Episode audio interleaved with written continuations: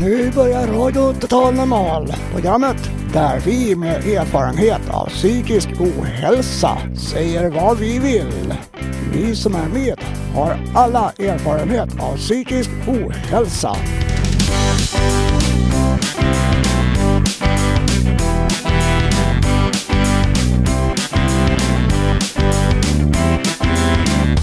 Du lyssnar på Radio Total Normal 101,1 MHz. Totalt normalt. Radio Total Normal. Torsdagar från två till halv fyra. Vi livesänder med publik från Götgatan 38 i Stockholm. Kom hit och lyssna. Här är alla röster lika värda.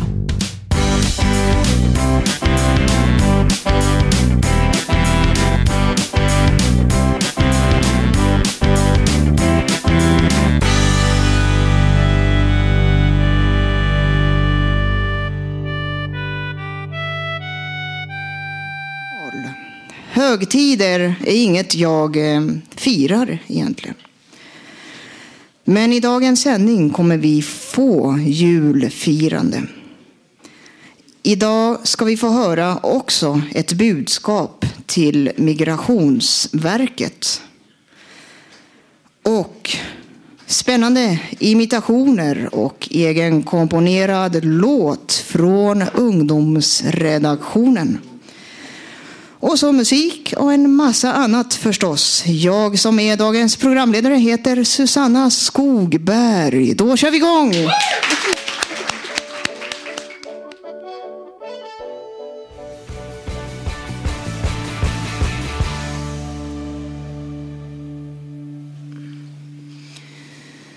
Ja, då har vi våran första eh, gäst och Veteraner. Välkommen Hasse Kvinto. Tack så mycket. Kära lyssnare på Fountain House och kära radiolyssnare. Jag ska prata om någonting som väl, ligger mig väldigt varmt om hjärtat. Budskap i jultid om en mer meningsfull tillvaro. Det handlar om kärlek. Vi har möjligheter som människor att dels acceptera budskap och teser som det är, men också möjligheter att utveckla fina och tänkvärda teser och budskap. Detta för, att ord kan till bli, vill, detta för att ord kan bli till viktiga handlingar som gör nytta i livet. I Bibeln i Matteus 19.19 19 finns ett kärleksbudskap som är fint och tänkvärt. Hedra din fader och din moder och du ska älska din nästa så som dig själv. Lukas 6.31 Som ni vill att människorna ska göra mot er, så ska ni också göra mot dem. Dessa båda kärleksbudskap gör oss medvetna om hur viktigt det är att inte enbart se till egna behov och begär. Dessa budskap är därför viktiga än idag. Jag vill emellertid utveckla dem för att öka medvetenheten ytterligare. Om vi säger hedra din fader och din moder och du kan älska din nästa så som dig själv, så blir du fri att välja ifall du vill följa budskapet eller inte. När det skrivs på detta sätt så ges vi möjlighet att älska varandra reservationslöst utan krav. Likadant om, det, om vi säger som ni vill att människorna ska göra mot er, det kan ni också göra mot dem. Det måste rimligtvis vara lättare att följa ett budskap om det inte finns ett tvång att följa det som det gör när det skrivs ska, men jag tycker ändå att Bibelns budskap har sitt värde. I boken Kärlekens konst ger Erich Fromm oss ett viktigt budskap och en viktig definition av kärleken som uppmanar oss att se längre än till egna behov och begär. Kärlek är aktiv omtanke om liv och välbefinnande hos det vi älskar. Och jag vill gärna lägga till hos den vi älskar. Vi kommer här in på våra förmågor att bry oss om vår nästas hälsa på det fysiska och det psykiska planet.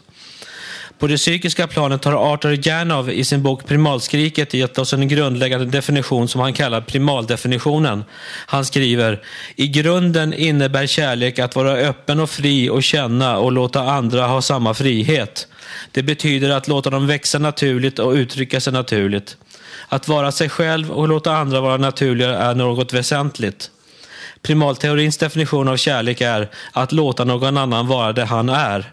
Detta kan endast ske när behoven fylls. Gensvar till en annan människa är en väsentlig del av kärleken. Här vill jag lägga till låta han eller hon vara det hon eller han är, eller om det känns bättre, hon eller han är. Det är verkligen skönt att uppleva en medmänniskas omtanke om vi känner oss nere och tycker vi är misslyckade genom orden Kom igen, du är bra som du är. Det egna bidraget i fråga om kärlek i form av en definition bygger på en insikt jag fick sommaren 1981. Och det här var, det var på Götgatsbacken. Det är ganska roligt eftersom jag är på Götgatan 38 nu och, och, och, pratar. Det var inget jag läste mig till utan det slog mig plötsligt att kärlek är att känna glädje över att något vi tycker om existerar. Sedan har jag utvecklat denna insikt genom åren och tror att kärlek är att uppleva reservationslös glädje över att någon eller något vi tycker om finns. Denna glädje kallar jag nyttoglädje. En sida av omtanken är att en medmänniska blir glad över framgång han eller hon arbetat sig fram till, är att glädjas åt framgången gemensamt. Det är verkligen skönt att efter en framgång få höra “Jag är glad för din skull”. Då möter vi inte avundsjuka eller svartsjuka eller känner, utan känner värme i hjärtat över att en medmänniska unnar oss framgången. Det kan räcka med ett telefonsamtal. Vi kan uppleva glädjen att en medmänniska finns. Jag tror att kärleken mellan levande varelser är livets mening och att den finns i den nyttoglädje som uppstår mellan oss när vi tycker om varandra. Då är livet fint och det är nyttigt och värdefullt att veta om. Tack så mycket. Ja, eh, välkommen Alexandra.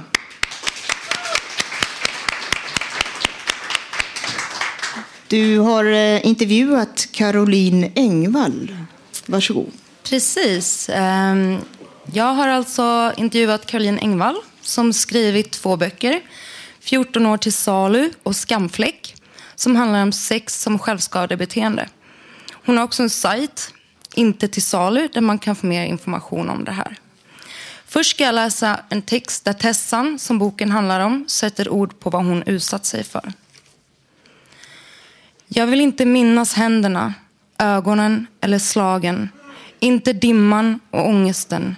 Bundna händer, trasiga flaskor och vassa knivar.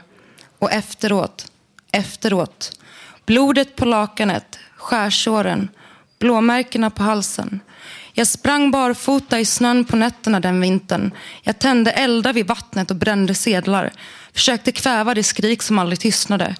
Alla telefonnummer i den svarta boken som jag alltid sov med under kudden för att jag aldrig skulle inbilla mig att jag var värd något. Ett samtal. Smutsiga pengar på byrån som fick skapa natten ångestställd vid vattnet. Utan ert våld orkade jag inte existera. Det var alltså Tessans ord från boken. Och eh, nu ska vi höra Caroline Engvar berätta mer om 14 år till salu. Tack. Det var den som startade alltihopa egentligen. Det som senare skulle bli en ganska stor debatt om unga som just säljer sex och har sex för att göra illa sig själva. Och det började för väldigt länge sedan när jag var chefredaktör på tjejtidningen Frida. Och en av de som skrev till mig då, det var Tessan som sen kom att bli huvudpersonen i 14 år till salu. Hon skrev till mig när hon var 16 och efter en våldtäkt när hon var 14 så sen kände hon att ja, min kropp är värdelös jag är inte värd något bättre än att, än att ta kontakt med de här våldsamma vuxna. Så det gjorde hon och vi höll kontakten många år. Och sen när hon hade kommit ur sitt eh, självskadebeteende, som det faktiskt var, att hon tog kontakt med de våldsammaste av de våldsamma. Då kände vi båda att ja, men den här historien är för viktig för att inte berätta högre om. Men vi hade väl ingen av oss kunnat ana att det skulle bli sån effekt av det. För direkt när boken kom ut 2008 så började det välla in mejl till mig från andra unga som berättade om precis liknande saker och att ingen riktigt hade pratat om dem förut. Och de här mejlen har fortsatt att strömma in under de här åren som, som boken har varit ute. Och då kände jag också att ja, men jag kan inte bara släppa de här. Utan då blev det uppföljaren till 14 år till salu som heter Skamfläck. Där jag har följt tre olika unga med ganska skilda bakgrunder. Jag tänkte gå in lite på att eh, de här eh, personerna, de här unga människorna som har hört av sig till dig, om de får hjälp på något sätt eh, att komma ur det här och vilken sorts hjälp de får. En del får hjälp. Tessan hade väldigt tur när hon sökte hjälp. Hon var ju ändå ute väldigt tidigt på nätet. Ehm, och hon fick bra hjälp från BUP och från socialtjänsten. Och hon fick flytta till ett speciellt boende där hon heller inte fick ha internet och hon inte fick ha telefon, vilket hon ju förstås var väldigt arg på i början. Men tyvärr har ju inte alla likadan tur som Tessan och jag möter väldigt många unga som berättar historier om just hur de blir inte förstådda. Eller att de blir extra skuld och skambelagda. Att, men varför håller du på med det här? Ehm, du kanske gillar förnedringen. Eller tänk på vad du gör mot männen och männens fruar har jag till och med hört. Och då gäller det för de som jobbar med det här professionellt att man har kunskap om att det här finns och hur man ska bemöta det och hur, att man inte bollar runt de här unga. Att de inte behöver berätta sina historier eh, många gånger för många olika personer utan att man verkligen ser till att kunskapen finns. Och där är vi inte riktigt än idag. Okej, eh, så kan vi sammanfatta det med att det finns inte speciellt mycket kunskap om det här. Och BUP är väl det, det stora hjälp. I, om man bor till exempel i Stockholm så finns det ju specialenheter, till exempel BUP Grinden som eh, är specialiserade på, på just sex, eh, sexuella övergrepp mot unga och de har stor kunskap om det här. Men tyvärr så är det ju så att man eh, det här är ett problem som finns över hela Sverige och det är synd att hjälpen ska finnas i storstäderna men om man kommer ut i landet så ser det inte likadant ut. Jag tänkte fråga om du har någon vetskap ifall det här beteendet brukar sammanfalla med psykiska sjukdomar? Alltså enligt din erfarenhet då?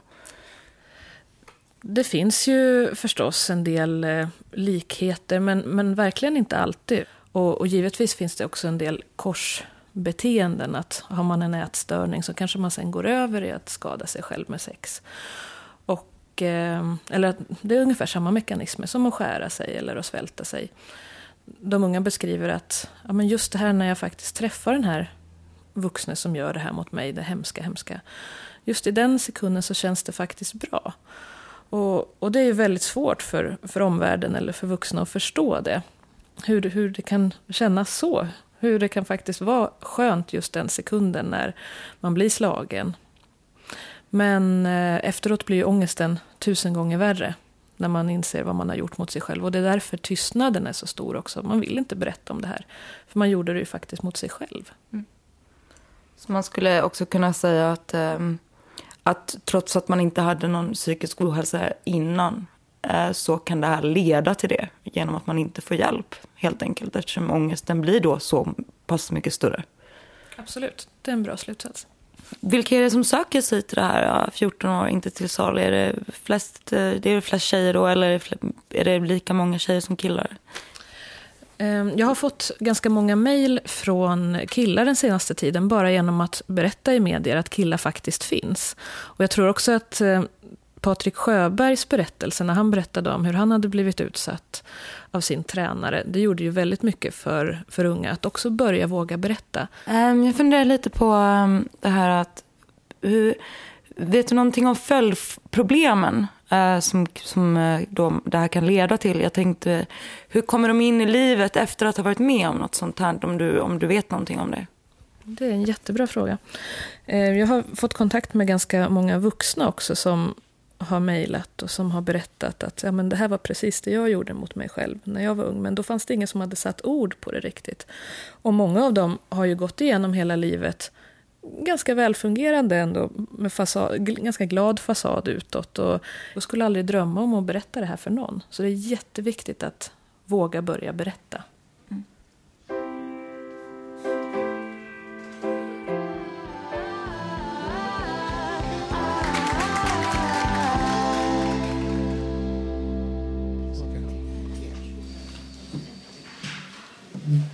Välkomna tillbaka alla lyssnare och stora varma publiken. Nu eh, plats på stora scenen här. Robert Naverstam. Ta ja. Du har en text här eh, som är avsedd att väcka, väcka debatt. Var sover du i morgon? Varsågod. Ja, det är bra. Det är tack. Det är Robert Naverstam här då. Hej du glade, var sover du i natt? Hej du glade, var sover du i natt? Har du någon framtid? Hur blir det med livet? Var slutar din resa? Hur tar du förolämpningen att du inte vill sova på ett schysst ställe? Hur tar du förolämpningen att du inte vill vara på ett skjutställe. Folk vet inte bättre än hur. Folk vet inte bättre än om. Folk vet inte bättre än varför. Folk vet inte bättre än därför. Hej du glade, var sover du i natt? Hur tar du förolämpningen när du säger så glatt att du inte vill sova på ett skyddsställe? Hur tar du natten, den kalla, långa, mörka? Hur tar du livet, det hemska, långtråkiga vakandet av and på stan? Hur tar du det att bli utkastad av någon morgontid grabb som ska ut med en dreglande vargsläkting tidigt som bara den? Hur tar du att aldrig veta var du vaknar? Hur tar du förolämpningen att bli rånad av den nya killen som du trodde var din vän? Hej du glade, var sover du i natt? Hej du glade, har du någon framtid? Hej du glade, var är ditt hem? Hur blir det? Var slutar din resa? Hur tar du förolämpningen när det säger att du inte vill sova på ett schysst ställe? Hej du glade, lever du imorgon? Folk vet inte bättre än hur. Folk vet inte bättre än om. Folk vet inte bättre än varför. Folk vet inte bättre än därför. Hej du glade, lever du imorgon? Hej du glade, lever du imorgon? Tack.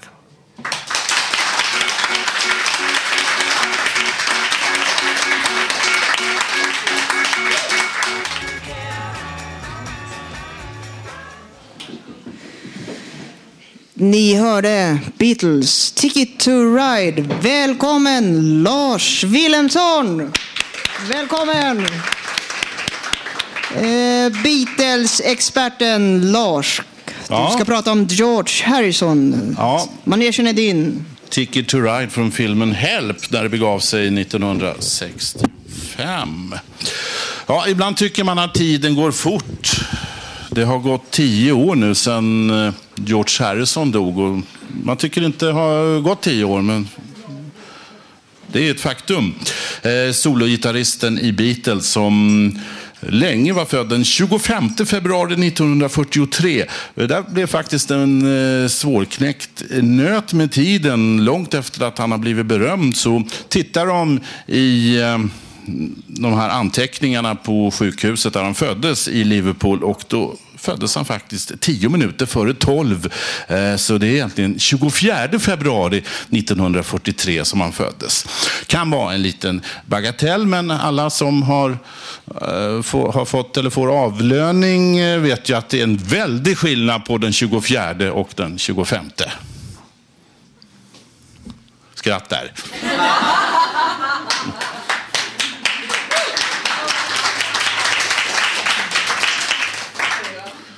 Eh, George kom med i Beatles eh, när han var 15 år 1958. Det var Paul som gick i samma skola som George på Liverpool Institute som föreslog eh, att jag känner en bra gitarrist för eh, John Lennon. Men det skilde två och ett halvt år och John Lennon tyckte att George var lite ung. Men han demonstrerade på en buss eh, sent en kväll där de satt på en dubbeldäckare på översta eh, våningen. Då spelade eh, George, eh, tog fram gitarren och spelade Raunchy, en hitlåt som var ny då, 58, Bill Justice. Där gick det down, down, down, down, down, down, down, down, down.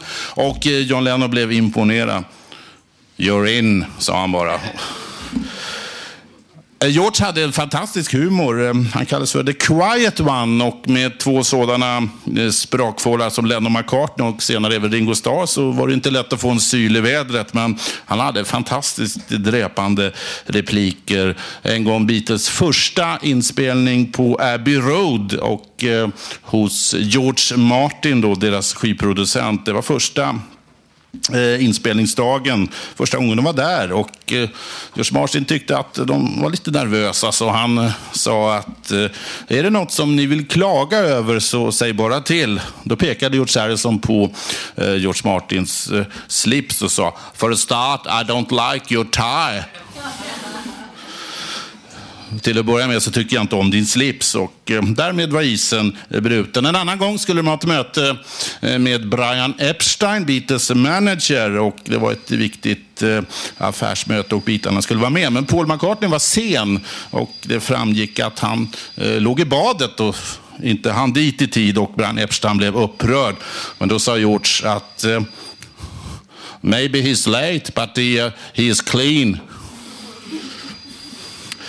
Så var det George Harrison. Han hade till att börja med bara någon låt i, på varje LP som han komponerade. Började med något som heter Don't Bother Me eh, 1963.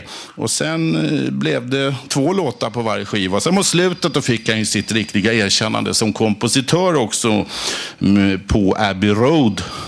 Something och Here comes the sun. Something eh, blev ju också A-sida på en singel. Det hade ju varit helt förbehållt Lennon och McCartney att stå för dem. Men där fick George till slut då en A-sida. Sen han samlade på sig en massa material efter Beatles-karriären och det blev succéalbumet All things must pass som kom 1970 och vi ska lyssna på titelmelodin.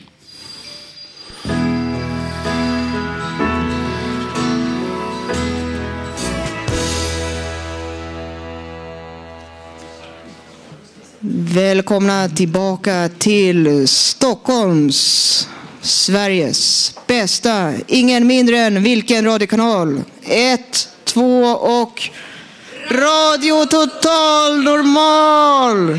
Yes!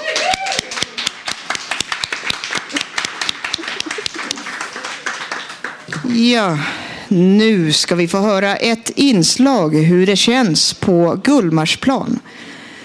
Det är Videll från fontänhuset Sköndal som vi ska följa med på resan. Tja, det här är Videll. Jag är med Radio Total Normal och eh, idag tänkte jag utmana mig själv genom att eh, utmana min ångest genom att gå till Gullmarsplan och se hur det funkar. Eh, så nu ska vi gå under den här tunneln, så om det låter eller hörs märkligt så beror nog det på det. Det är ett fint väder som vi har idag här i Sköndal och det känns lite så siso där i kroppen. Tankarna eh, svävar och eh, ibland så känns det som att man ska svimma av eller eh, eller någonting för att man blir så yr och att man känner att man inte kan andas. Men eh, som sagt, jag är ganska envis och stark person av mig.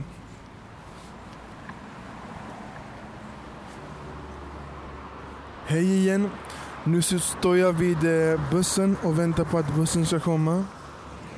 Och nu kommer den.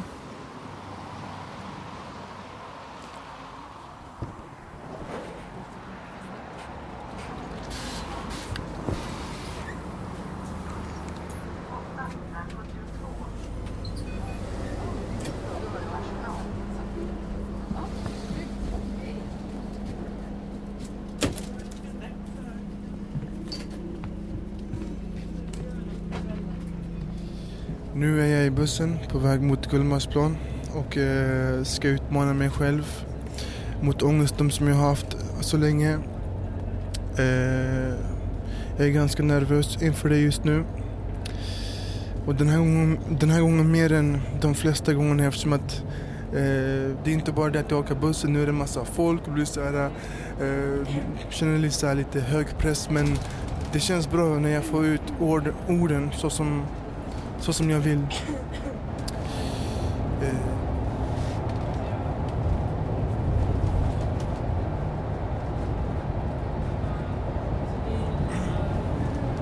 Nu känner jag. Nu känner jag att den kommer. Mer och mer. Nu när jag närmar mig eh, Gullmarsplan. Och eh, Snart så förklarar jag varför jag har varit så tystlåten. Och varför det händer nästan varje gång.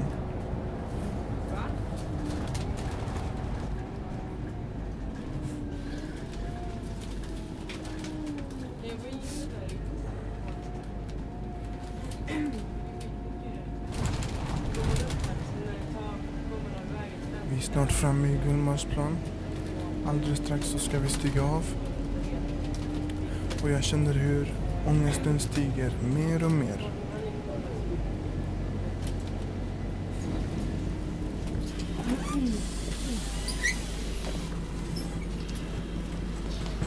Vi väntar.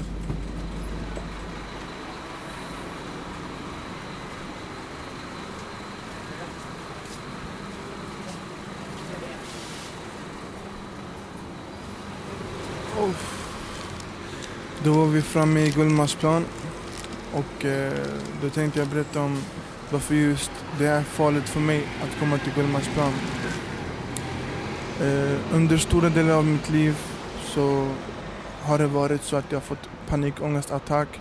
Jag har blivit yr och fått panik och, och mått väldigt dåligt eftersom att jag, jag har ju fobier för, eh, eh, som det heter, höjd och jag tänker på att det finns en eh, stor bro där och eh, jag tänker att den är jättefarlig och att den kanske eh, rasar ner eller någonting.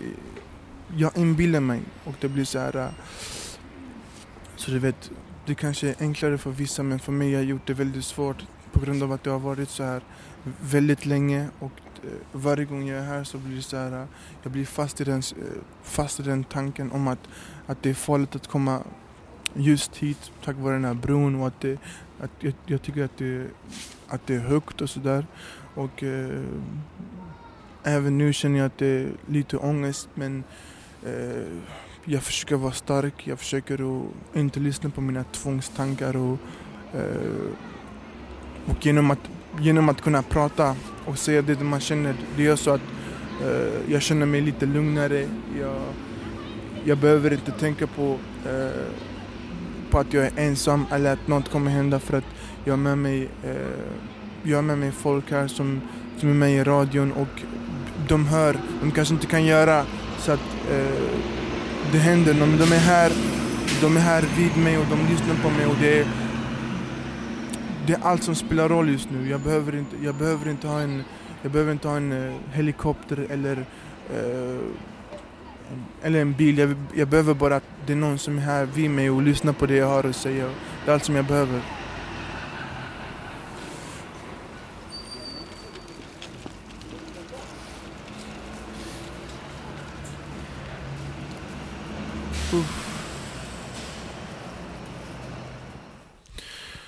Uh, nu har det gått några veckor uh, sedan jag gjorde den här uh, inslaget på Gullmarsplan och nu sitter jag här i fontänhuset.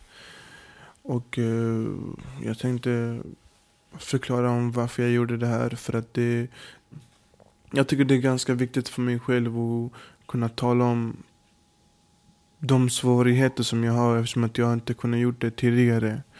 Och eh, det finns en låt till det här också som, som har hjälpt mig ganska mycket med den här hemska ångesten som jag haft. Och den heter Cold World som jag skrev för några år sedan. Och eh, Det är den låten som har fått mig att inse att det är inte dåligt att må dåligt. Eh, det är helt okej. Okay. Och eh, genom den låten så eh, började folk att gilla den och, sam, och samtidigt jag själv. För att när jag väl skrev den så gillade jag inte Jag tänkte ah, fan det här är, det här är för mycket ångest. Det här är ingen bra låt. Men när jag väl spelade in den och folk fick höra den då tänkte de ah, det här är en bra låt. Uh, den är så djup och uh, därför vill jag att ni hör den och, och jag hoppas att ni tycker om den.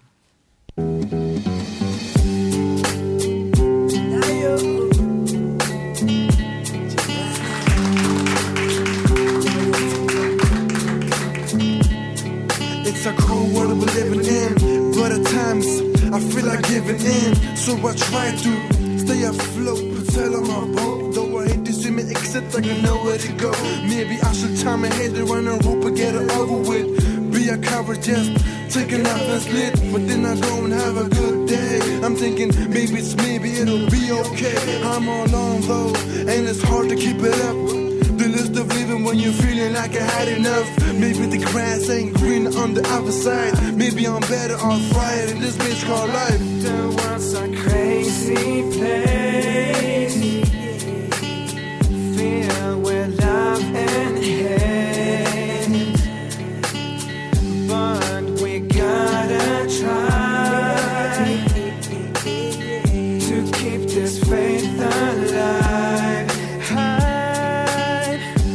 I I can know him, but I, I was born alone, and that's how I will die. Why? Lean on any shoulder, I'd rather stand alone. So I decided if I stop alright, carry on. You can't tell me shit, you never gave me shit. All I was asking for loyalty, you fucking bitch. Instead, you left me here with these crazy thoughts. If I should pull the trigger or put a thought in cuff, I'm thinking maybe just maybe it'll be okay. But then I go, go and have a good day. I try to ease my pain, sipping some Heineken, but over suicide thoughts coming back again. The world's a crazy place Filled with love and hate But we gotta try To keep this faith alive People don't get me wrong, I never take my life. But sometime I'm on wonders in the darker sights. I know I'll be alright, I know how to survive. I know I'll let the crowd rise and fall and rise. It's the getting up, that's a little tough. But my life is going, that's when you sugar up. So now I'm positive, I know I'll be okay. And yeah, today wasn't that good day. Good day, a good day. The world's a crazy place Filled with love and hate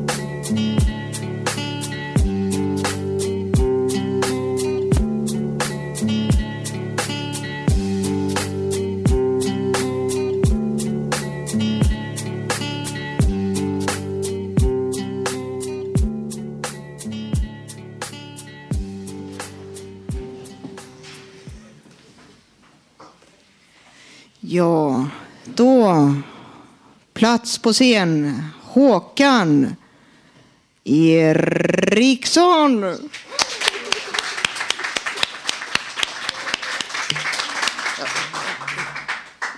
Migrationsverket vill utvisa två barn till Italien.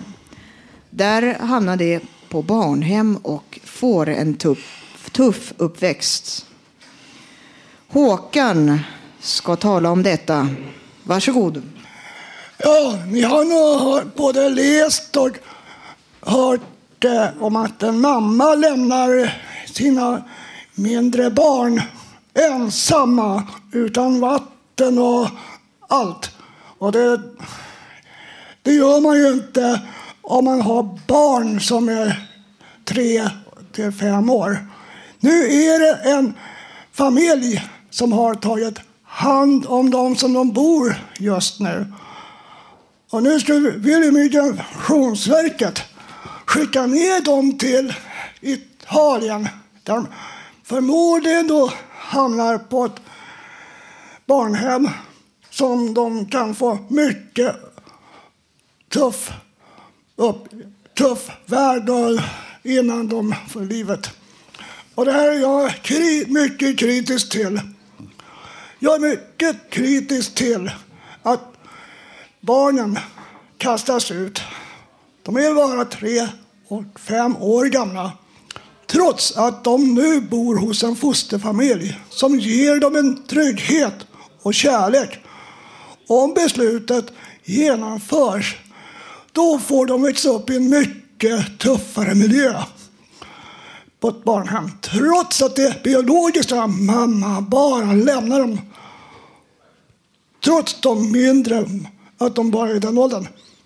Det är inte ett jobb för Migrationsverket, utan det är polisen som ska ta reda på mamman och förhöra vad är orsaken till om man bara lämnar barnen sådär. Bästa för de barnen är att de, den fosterfamiljen får adoptera barnen så de får en mjuk, kärleksfull och trygg uppväxt. Till sist hoppas jag vädjar till eh, familjen som har hand om dem nu att ni vinner mot Migrationsverket beslut och att barnen får stanna hos er för gott. Lycka till! Mejla gärna till Radio Total Normal om ni känner för det.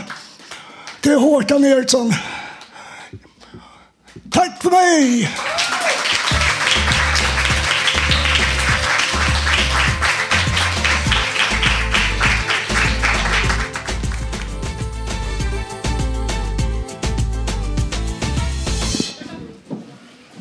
Så, det är klockan närmar sig tre. Det är dags för totalnyheter. Och här är totalnyheterna med de senaste telegrammen. Vi börjar inrikes. Vi är nu inne i julmånaden december och därför har vi gjort en undersökning om julklappsinköp. Vi har frågat 1000 äkta män ute på stan om de anser att julklappar är viktiga. 60 procent av männen ansåg att det var onödigt att köpa julklappar. Övriga 40 procent hade vid frågetillfället sällskap av sin fru ute på stan. I England har gjorts en annan undersökning. Det gäller fotbollstränaren Sven-Göran Svennis Eriksson. 1000 brittiska kvinnor fick frågan om de skulle kunna tänka sig att ha sex med Svennis. 72 procent svarade nej, inte en gång till.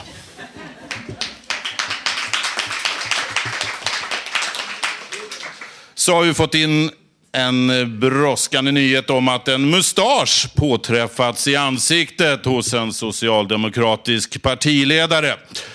Mustaschen tros vara anlagd.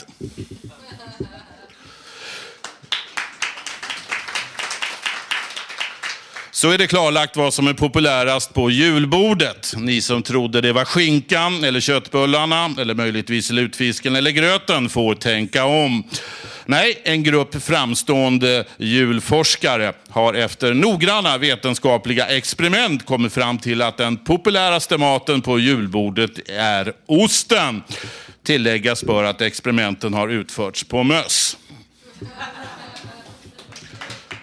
Mer julnyheter. Det är SJ som meddelar att eh, röd dag mellan tisdag och torsdag efter fredag, men före måndag så går 12.59 tågen ett i ett. Sport. Vi har fått in ett sensationellt eh, tennisresultat från ATP-turneringen i London. 6-3, 4-6, 7-5. Till sist kommer här det absolut sista telegrammet, vilket inte ens är ett telegram, snarare en vädjan, ett påpekande eller en informell upplysning. Det är Svenska Kaktus och Igelkottsällskapet som meddelar att eh, SM för snarstuckna kommer att äga rum nästkommande söndag före lördag. Egna piggar medtages, medtagna eller ej, den ena piggare än den andra. Slut på nyheterna.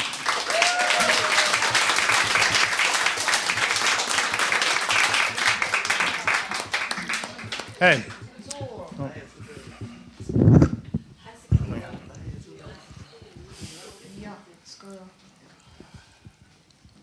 Då får vi tacka och eh, plats på scen, Petter.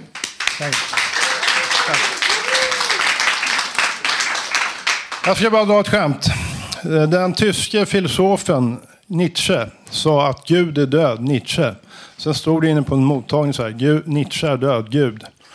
Och eh, sen så ska jag dra ett skämt om eh, en man eh, vad som skulle så eh, vända på jorden.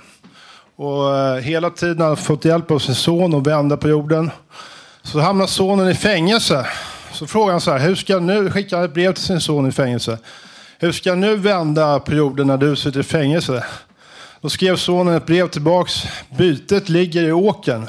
Två dagar senare kom polisen dit och vände upp och ner på jorden. Och det, det, så skrev sonen ett brev tillbaks. Det här var det bästa jag kunde åstadkomma efter omständigheterna.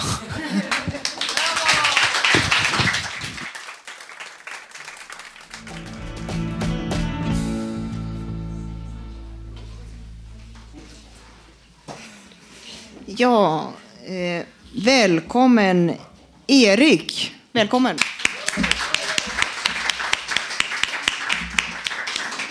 Från eh, Ungredaktionen. Du har eh, komponerat en egen låt som vi ska höra här. Så då lyssnar vi.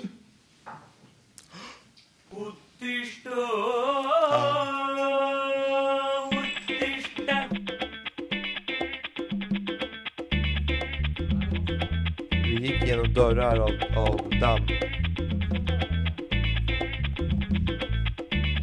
Gick genom dörrar av damm.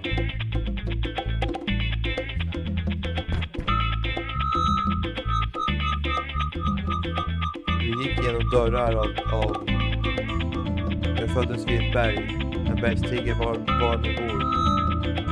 En måne vid min sida. Jag föddes vid ett berg.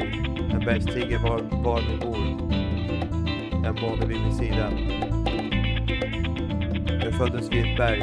En bergstiger var, var ni bor. En måne vid min sida. Jag föddes vid ett berg. En bergstiger var, var ni bor. En måne vid min sida. Jag föddes vid ett berg. En bergstiger var, var ni bor. En måne vid min sida. As you can hear the original soundtrack for Sidewalk Dogs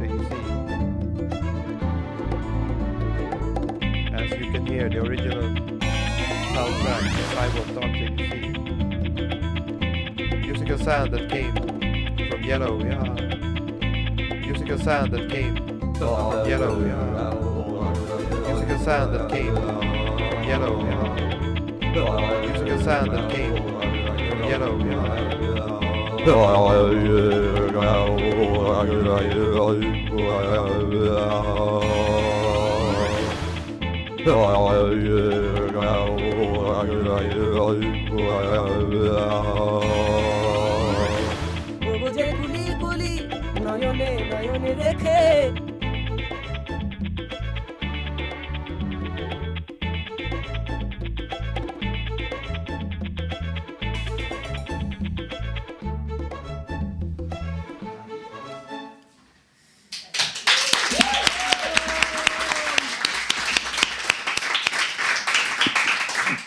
Det där var ju coolt. Alltså, häftigt. Hur, hur lyckas du med detta? Hur, hur kom du på det? Och, Alltså jag hade gjort så här, jag skulle göra en typ diktlåt som är som var en seriös diktlåt typ. Som Doors eller något. Och sen så, uh, när jag satte mig ner i programmet, jag skulle klippa upp det i ett musikprogram och sen så, jag hade stopp i huvudet typ och sen så började jag typ lägga in instrument och så. Och sen så blev det mer på det sättet typ. Och det här snabb, alltså typ, så, som att jag hade typ så här att jag skulle uh, sjunga eller något. Och sen när jag la in det så hade jag ganska högt tempo liksom. Så det komprimerade så det blev så här bo... Ja, det var inte så när jag gjorde det men det var typ så här att den, den komprimerade hastigheten och snabbade upp det typ. Och så la jag på en liten eh, det skulle vara lite så här typ dur och lättlyssnat liksom och lite skämtsamt liksom. eh, det, jag tyckte det lät de här uh, elgitarren är så här 60-tals lite Ja, så här funk. Jag hade Ja, en sån funken. sample. Ja. Så jag gjorde det med så här sample. Jag klippte upp så här klipp och sånt jag hade. Så jag, jag spelade inte gitarr, utan jag hade klipp och sånt där som jag la in. Eh, och eh, så, sen så var det... Det var typ uppenbart att göra på det sättet typ. Och sen så... Jag tror Men- jag har kört den tidigare en gång och sådär. Någon gång tidigare. Jag tror inte det var den jag... För jag hade gjort en annan nu typ. Men den håller på att jobba mer med. Jag tror det typ var... Att det var den vi skulle spela men... Alltså, jag tror inte det skulle vara den här men... Var en... Eh, vad heter det? Sound? Vad heter det? Vad har du för, vad har du för roll nu igen? Ljudtek Vår ljudtekniker gillar den, så jag tänkte att det går bra. Bra. Ja, men det är jättekul alltså. Du, du är duktig. Tack så, det är tack så mycket. roligt alltså. Tack.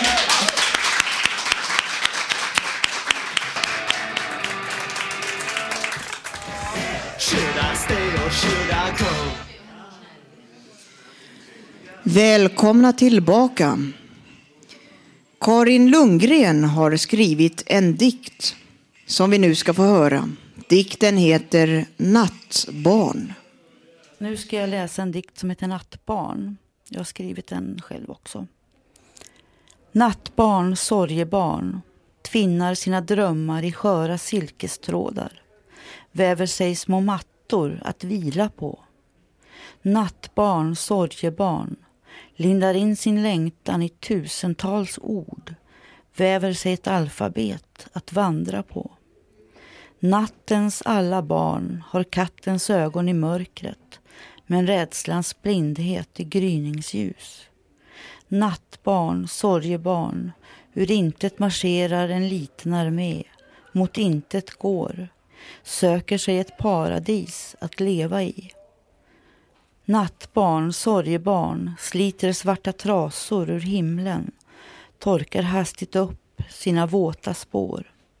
Nattens alla barn har kattens ögon i mörkret, men rädslans blindhet i gryningsljus. Nattbarn, sorgebarn, ristar in sitt signum i varje tid, lämnar ett arv av trasig drömväv att sova i.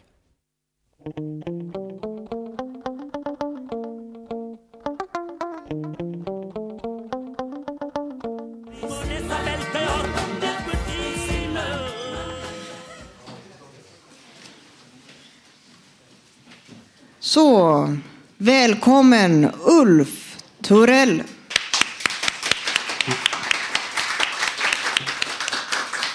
Uh, Ulf, du har uh, en dikt som heter Sol sken fler gånger sommar. Varsågod. Solsken för en gång i sommar. Idag är fredag, igår torsdag. Jag bor i Hammar på höjden. Just nu arbetar jag på, jag nu arbetar på Vattenfalls kontor. Tid skrev dikt, sovnätter, jag är 58. Fartyg reser 69 till 70. Jag var på båten, kom till sjön Atlanten. Ja, I mängden på Vattenfalls. Kom dessutom till Panamakanalen. Jag var i Europa på en Sydamerika. I Hamburg, Tyskland, en plats till Antwerpen, Belgien. Min blåser nu 2011. Min år Mona Isa och skrev fredags 5 november. For the light.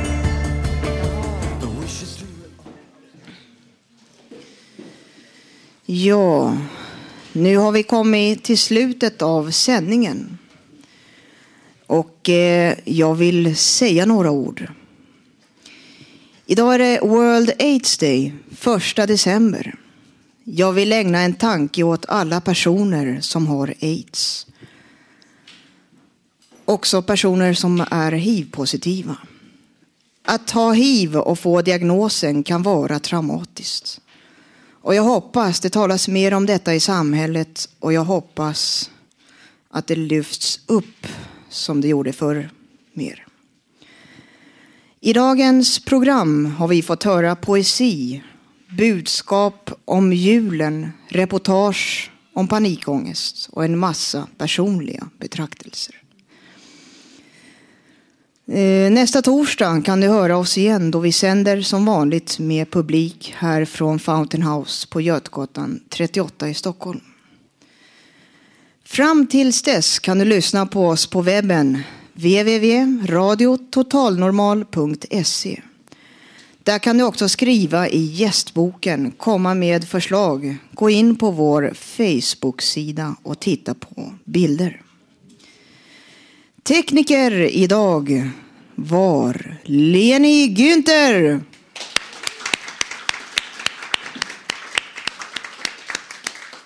Producent Melinda Vrede.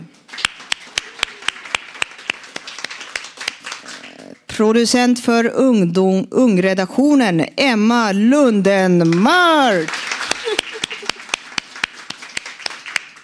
Och projektledare, ingen mindre än Bodil Lundmark. Och eh, jag som har varit programledare idag heter Susanna Skogberg. Jag får tacka för mig.